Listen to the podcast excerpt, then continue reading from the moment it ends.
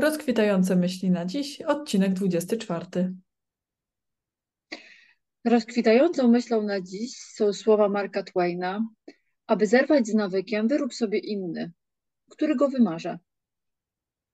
Możemy dowiedzieć się o nim czegoś ciekawego? Na pewno ciekawostką z jego życia jest fakt, że nie, nie ukończył on nawet szkoły podstawowej. Kometa Haleja pojawiła się zarówno w dniu jego narodzin, jak i w dniu jego śmierci. W młodości był on pilotem parostatków i jego przydomek pochodzi właśnie z tego okresu. Mark Twain to jest okrzyk, zaznacz dwa.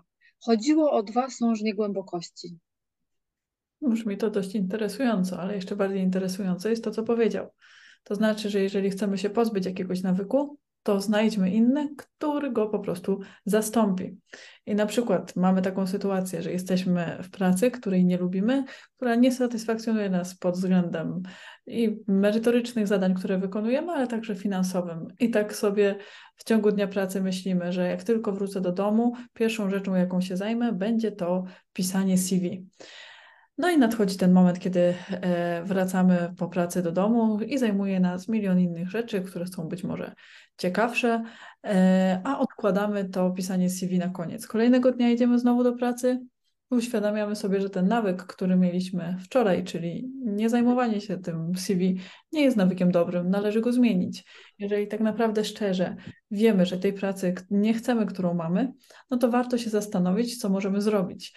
A możemy zrobić to, że pierwszą rzeczą po powrocie z pracy będzie pisanie CV. I to my decydujemy, że tak będzie. I wracając po, po pracy y, do domu, od razu usiadamy do tego CV po to, żeby je, e, po to, żeby je napisać. Wróćmy sobie jeszcze do tego, czym tak naprawdę jest nawyk, do takiego, mm, do takiej cechy charakterystycznej nawyku.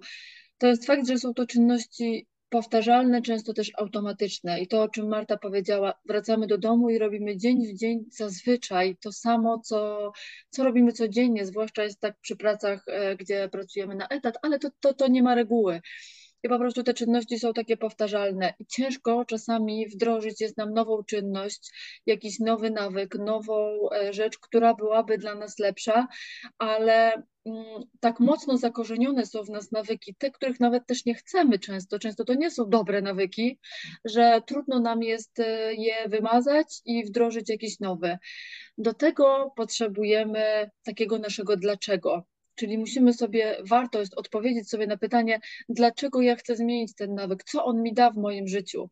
I w ogóle jestem ostatnio zwolennikiem też tego pytania, dlaczego przy wielu kwestiach życiowych, takiego powrotu do myśli tej pierwotnej, dlaczego chciałam coś zmienić. I jak znajdę sobie ten motyw e, przewodni tej mojej zmiany, czy to będzie zmiany nawyku, zmiany zachowań, to wówczas łatwiej jest to przerodzić w te czynności codzienne łatwiej jest wtedy wdrożyć to w to nasze codzienne życie.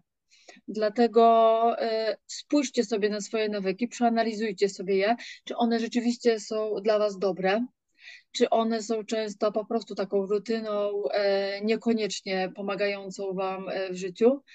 I sprawdźcie, na co chcielibyście to zamienić, czyli jaki cel byście chcieli osiągnąć, jaki jest w ogóle cel tego nowego nawyku i spróbujcie po prostu wymazać ten stary i zastąpić go czymś.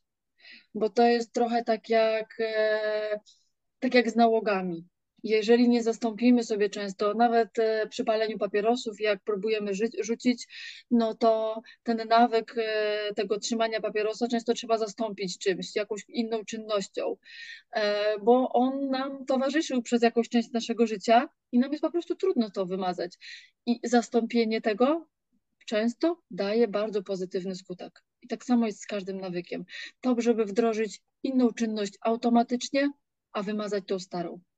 No i dobrym przykładem tutaj będzie na przykład to, że jeżeli po przebudzeniu y, bierzemy telefon do ręki, wchodzimy w media społecznościowe i spędzamy w tych mediach społecznościowych na przykład 20-30 minut, to żeby po prostu przestać to robić, będzie nam trudno. Ale skoro mamy już te 20-30 minut każdego ranka, to możemy się zastanowić, co możemy w tym czasie robić, zamiast wchodzić w media społecznościowe. I dobrym przykładem będzie tutaj na przykład poświęcić ten czas na czytanie książki, na medytację, na afirmację, na jakąś aktywność fizyczną, bo ten czas już fizycznie jest. To nie jest tak, że nie mamy w ogóle czasu, bo media społecznościowe są tak skonstruowane, że jak w nie wejdziemy, to żebyśmy spędzili w nich jak najwięcej czasu.